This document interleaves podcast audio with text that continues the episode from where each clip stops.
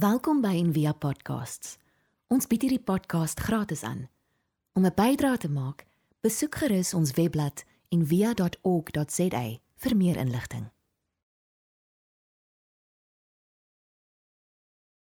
Ons is besig met 'n reeks oor die vier evangelies en vanoggend is dit Markus se beurt. Ehm um, Dit is interessant hoe die hoe die evangelies almal verskil en dit sal ook interessant wees of dit vir jou 'n 'n 'n hindernis is in jou kop om Jesus nie te glo nie en of dit eerder ehm um, of jy meer een van daai variety is the spice of life mense is ehm um, wat verstaan dat die aard van die bron bepaal die evangelie. The nature of the source determines the gospel ehm um,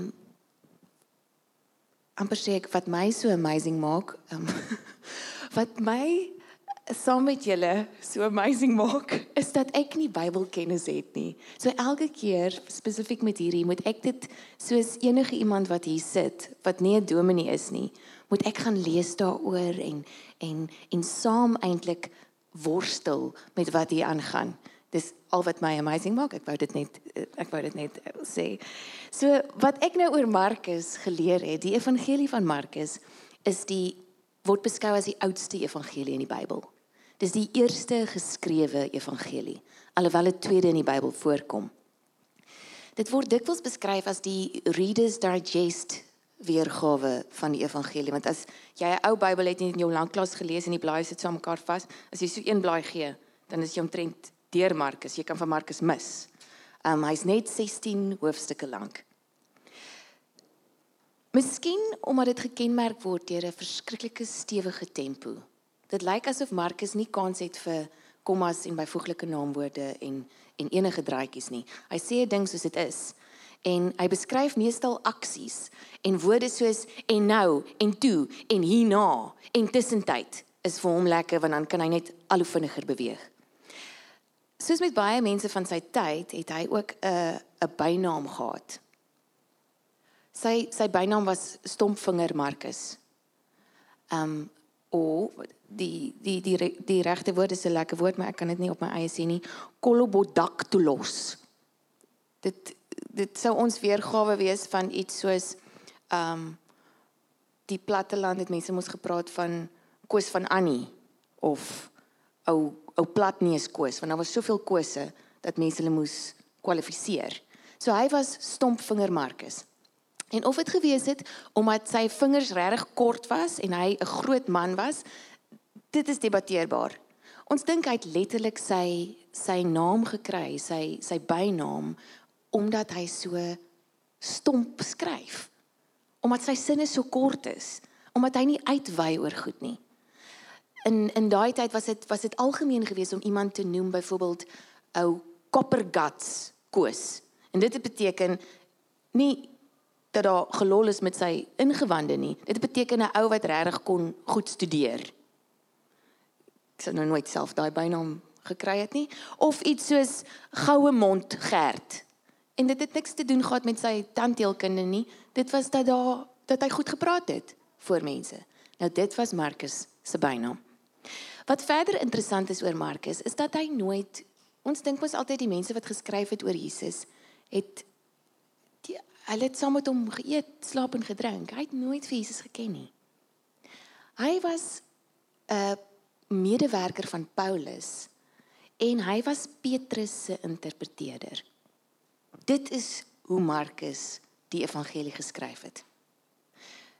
So wat ons nou moet onthou, soos Jesus Petrus se rabbi was, se leermeester was, so was Petrus Markus se leermeester. So Markus sou eerste ten doel gehad het om Petrus se weergawe so noukeurig moontlik neer te skryf. So hierdie is eintlik indirek Petrus se weergawe van die evangelie. Nou ken ons almal vir Petrus. Petrus verteenwoordig die beste en die slegste van die mensdom in homself. Petrus sal net soveel keer soos wat hy sê hy die Here lief, net soveel keer sal hy hom verraai. Petrus sê ja Here en hy's die eerste volger en hier gat hy en die volgende oomblik sit hy met sy voet in sy mond.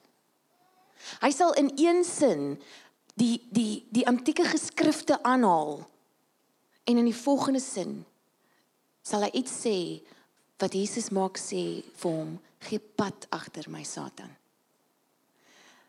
Petrus is baie spesifiek. Ons het nou my broer het ehm um, so 2 weke gelede 'n babatjie gekry.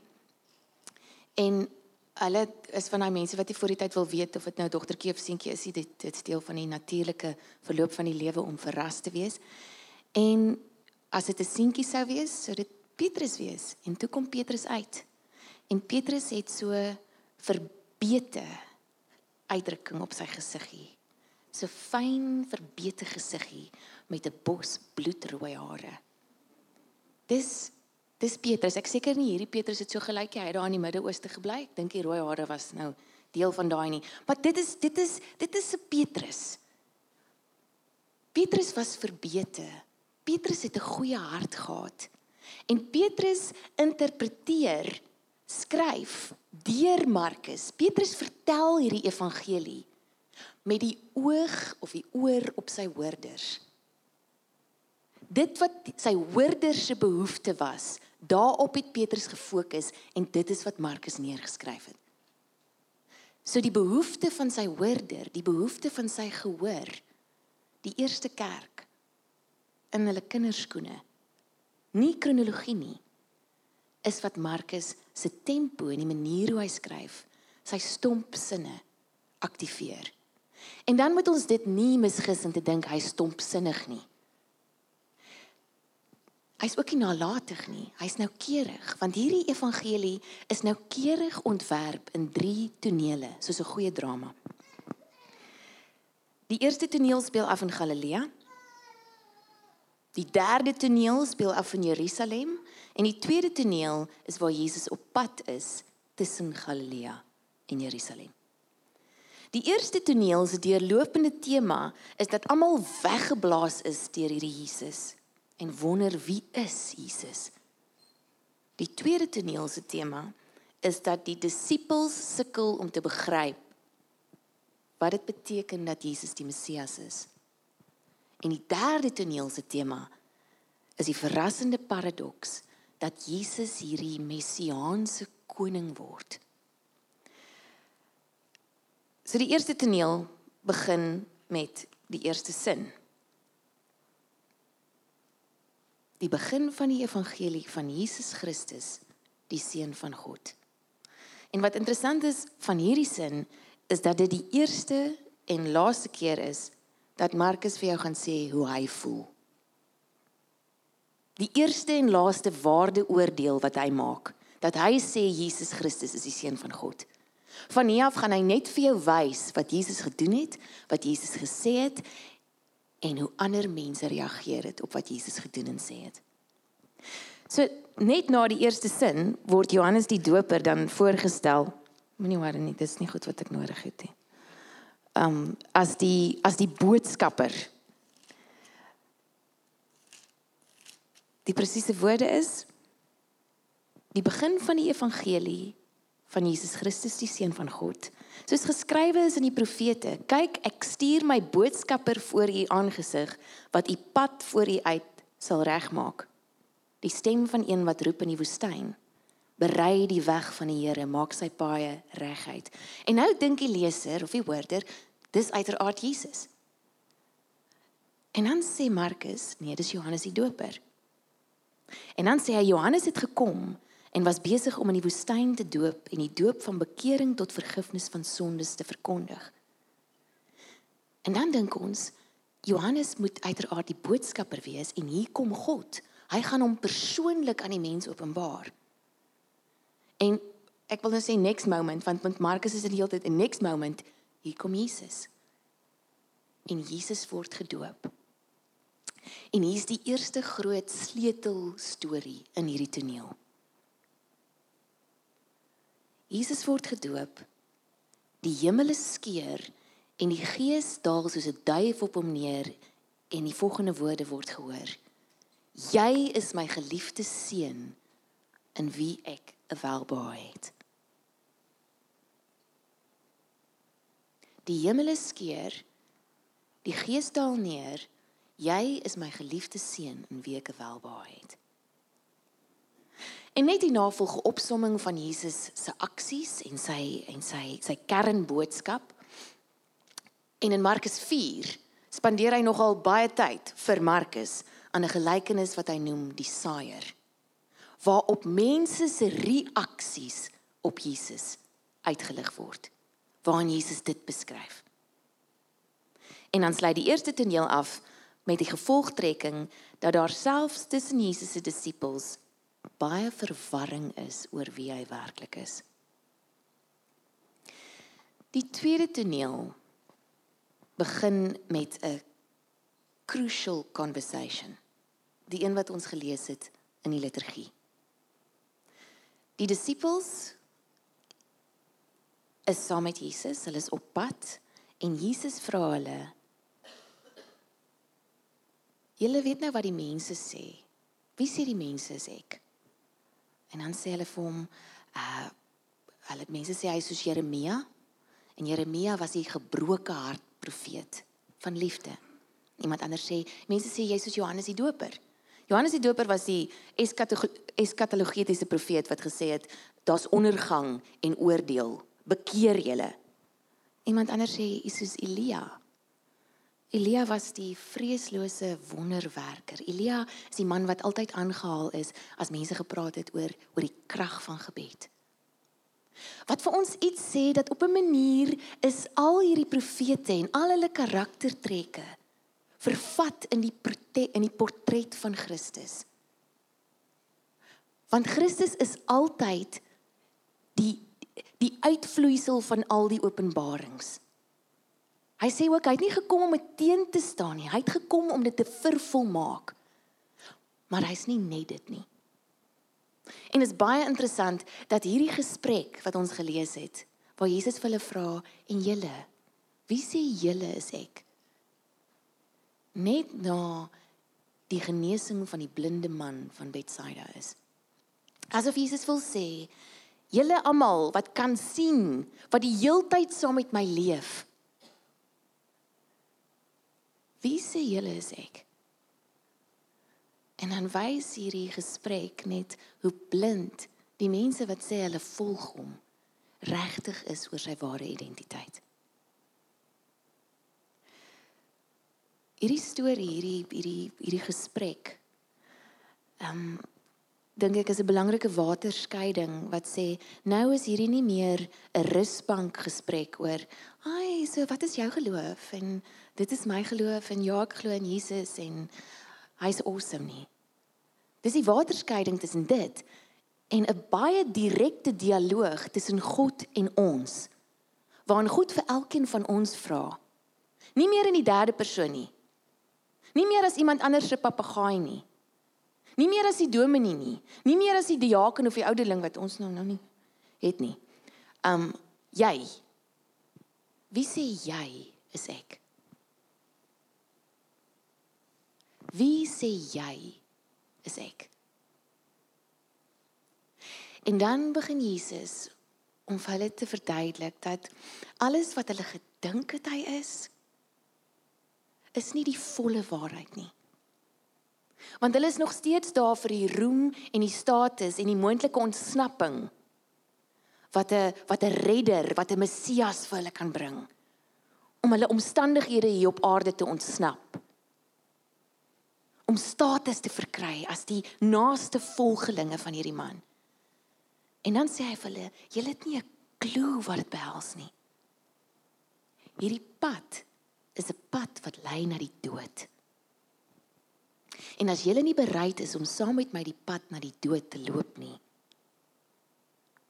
weet julle nie wat dit is om 'n volgeling van my te wees nie. Is soos um, ek weet nie of julle al gehoor het as mense sport kyk. Ag, gister is 'n goeie voorbeeld. Um, as die as die bokke wen, dan dan het ons gewen. As die bokke verloor het die bokke verloor. As as Andy Murray Wimbledon wen, dan sê al die al die al die Britte, die Engelsman het gewen. As hy verloor is dit is hy 'n skot. Dis pretty much die disippels se storie. Hulle verstaan nog nie dat om Jesus te volg om te beteken om hom te volg tot op die pad van vernedering, tot in die pad van die dood nie. Hulle dink nog hier's 'n glorieryke ding wat wat wat hierso vir hulle wag in hierdie lewe.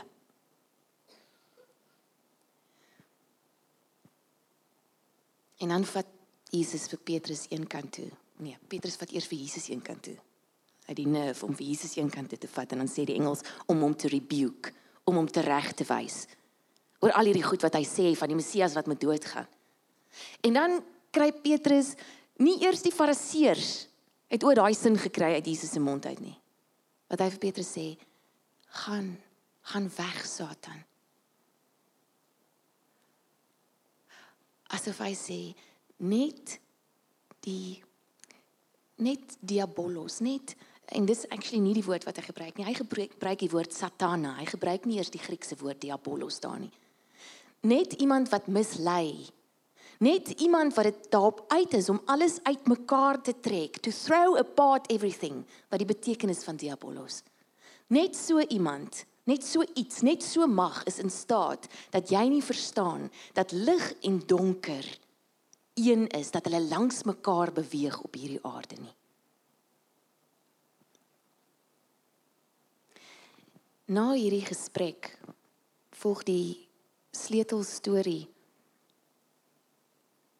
in Markus soos ag in die in die tweede toneel soos wat die sleutelstorie in die eerste toneel was. Jesus vat drie van sy disippels. Vir Petrus en Jakobus en Johannes vat Jesus op die berg. En die die storie begin met die titel die verheerliking op die berg. Maar die storie begin eers met 'n ander sin wat vir my baie interessant is. En hy sê vir hulle: "Voorwaar ek sê vir julle, daar is sommige van die wat hier staan wat die dood sekerlik nie sal smaak voordat hulle die koninkryk van God met krag sien kom het nie. Daar's van julle wat hier staan wat nie sal doodgaan voor julle die koninkryk van God sien kom het nie. Waar hy weer 'n baie spesifieke uitspraak maak oor wat hy bedoel met die koninkryk van God en dat hy dit nie gelykstel met die hiernamaals nie. Met die hemel soos ons dink nie. Hy het die heeltyd gesê die koninkryk van God is naby. Die koninkryk van God is at hand. En dan gebeur hierdie storie. Hy vat vir Petrus en Jakobus en Johannes en hulle gaan alleen op 'n hoë berg en hy het voor hulle van gedaante verander. En sy klere het blink geword, wit soos sneeu, wit soos wat geen blyker, blykmiddel op aarde dit kon maak nie. En daar het Elia saam met Moses verskyn en hulle was in gesprek met Jesus.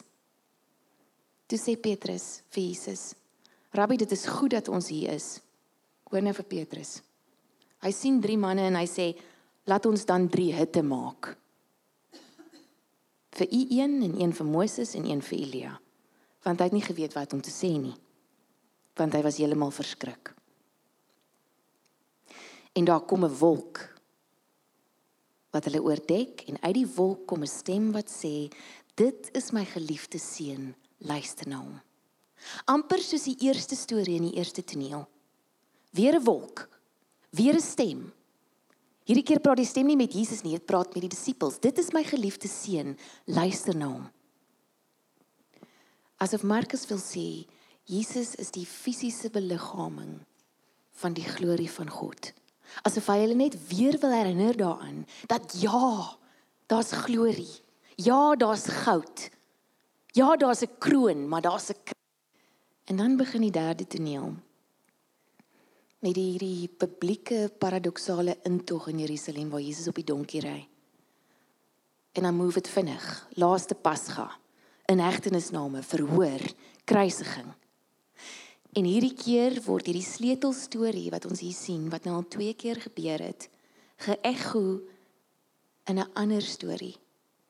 Behalwe die keer is dit nie 'n wolk wat oorkom nie, maar duisternis. En hierdie keer is dit nie God se stem wat gehoor word nie, maar Jesus se stem wat uitroep: "My God, my God, waarom het U my verlaat?" Dit is my geliefde seun in wie ek welbehae het. Dit is my geliefde seun. Luister na hom. My God, my God, waarom het U my verlaat? En dan kom nog 'n verrassing, want Markus is 'n soort van 'n meester van ironie. Dat 'n Romeinse hoofman wat hierdie woorde hoor, hulle noem hom die Romeinse hoofman oor 100.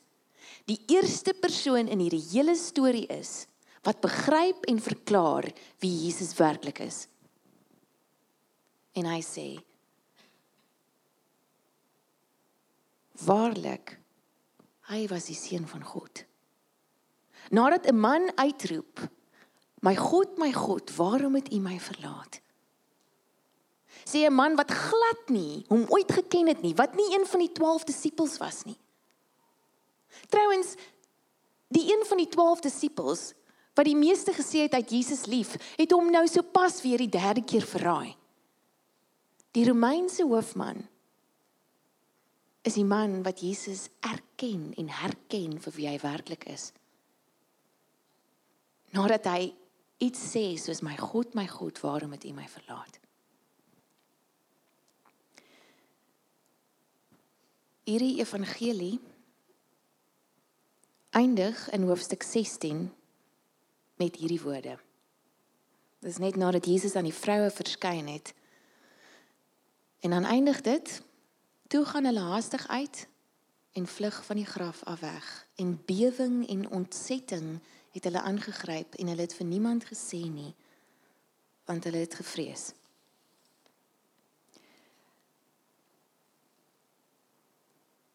Hierdie evangelie eindig om die mense daarvan te sê regtig self stomper as wat Markus se vingers was. Dis dis waar die evangelie eindig. Dis waar die as jy 'n kaartjie sou betaal het vir 'n vir 'n play, dis waar die toneel, die laaste toneel eindig.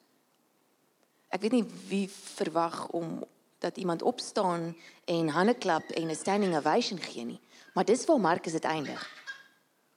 As jy in jou in jou Bybel sal gaan kyk, sal jy sien dat daar nog so 12 verse verder geskryf is deur iemand wat uiteraard soos ek en jy sou gesit het en gaan dit. Wat? The end. Nee. En iemand anders het besluit hy gaan 'n paar verse vir Markus byskryf. Want hy kan nie die die gehoor, die die luisteraar, die leser so los nie. Maar wat as Markus dit nie per toeval gedoen het nie? Wat wat as Petrus se vertelling nie daar geëindig het nie? Wat as hulle bedoel het, as hulle dit intentioneel so gedoen het? om weer te vra soos twee ander keer in hierdie evangelie. Jy die leser. Die persoon wat wat wat sê dat jy 'n volger van Christus is dat jy na aan hom leef gaan jy ook weghardloop die gebrek aan 'n bevredigende slot forceer ons om te worstel met hierdie beweringe oor hierdie Messias. Terug na die eerste sin van die evangelie. Hierdie is die evangelie van Jesus Christus, die seun van God. Gaan ons weghardloop soos die disippels of gaan ons Jesus herken soos die Romeinse offisier? Wat gehoor het hoe sê hy die woorde my God my God waarom het u my verlaat So dis eintlik 'n vraag vir my en jou vanoggend. Dit is dit is wat Markus doen met sy hele evangelie. Hy wys vir ons wat Jesus gedoen en gesê het en dan wys hy vir ons hoe mense daarop reageer het. En die leitmotief, die deurlopende tema is die heeltyd kom hy terug nadat sy eie disippels nie seker was wat hierdie ware identiteit van Jesus die die vrymaker soos wat die voice vertaling sê, the liberating king. Die groot vrymaker wat dit behels nie. En dan word ons voor die vraag gesit. Is ons bereid om ons lewe neer te te lê? Die die lewe wat ons dink ons lewe is. die situasie wat ons lewe noem? Is ons bereid om ons lewenssituasie, ons lewensstandaard, alles wat gepaard gaan met wat ons dink die lewe moet wees? Hoe ons dink die lewe moet vir ons uitwerk, is ons bereid om dit op te gee om deur daai situasie te val na waar ons werklike lewe lê. Die lewe waar ons niks het om te verdedig of te beskerm nie waarin soos wat Chris Christofferson gesê het oor Bobby McGee, freedom is when we've got nothing left to lose. As ons niks het om te verloor nie, kan Christus ons ware lewe vir ons teruggee. En dis vir ons moeilik om te verstaan as ons alles het om te verloor. Maar dis die vraag volgend. Wie sê jy is ek? nie net Jesus is awesome en Jesus is my personal savior nie en Jesus gaan my eendag in die hemel kry nie. Wie sê jy is ek nou? Want die koninkryk van God is hier. En party van julle sal die koninkryk van God sien voor julle doodgaan.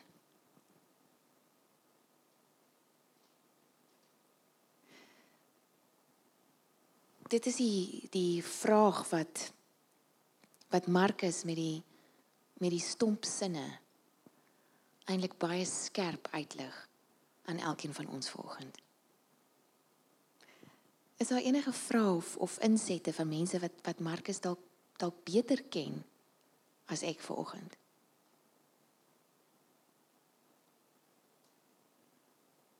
As ek sê vra dan bedoel ek dalk retories?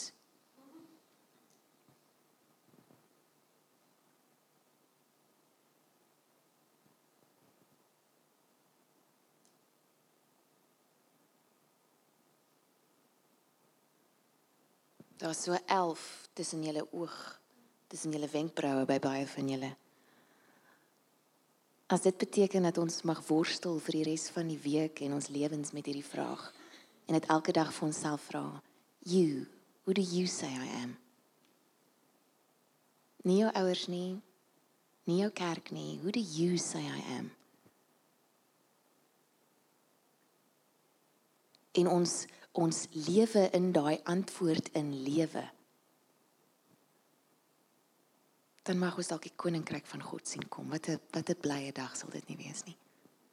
Kom ons bid saam. Here baie dankie dat u gekies het om om u self te openbaar in in ervarings van mense. Mense wat verskil het. Mense wat wat na aan u geleef het en tog steeds nie verstaan het hoekom u regtig gekom het nie. Om te kom dien om te kom doodgaan om te kom wys dat die duisternis langs die lig bestaan en dat die duisternis die lig nie sal oorweldig nie. Here ek wil u vra om om in elkeen van ons te te beweeg Want U sê ons moet elkeen ons heil met bewing uitwerk, ons elkeen. Dat U vir ons sal kom wys wat ons menslike aandeel in in hierdie koms van die koninkryk van God is. Maar ook altyd vir ons sal verseker dat U die eerste geroep het. Dat U die eerste die werk neergelê het. En dat ons lewe 'n reaksie is daarop. Help ons om hierdie genade, hierdie hierdie uitnodiging, hierdie hierdie diensbaarheid, hierdie uitgietende liefde waarin ons gemaak is, nooit as vanselfsprekend te aanvaar nie en verantwoordelikheid te aanvaar daarvoor. Deur dit met net so vryhand te wil uitgee.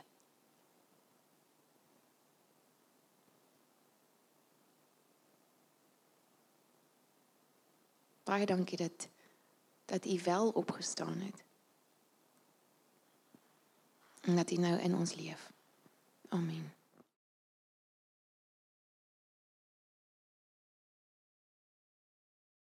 Ons hoop van harte jy het hierdie podcast geniet of raadsaam gevind. Besoek gerus en via.ok.za vir meer inligting.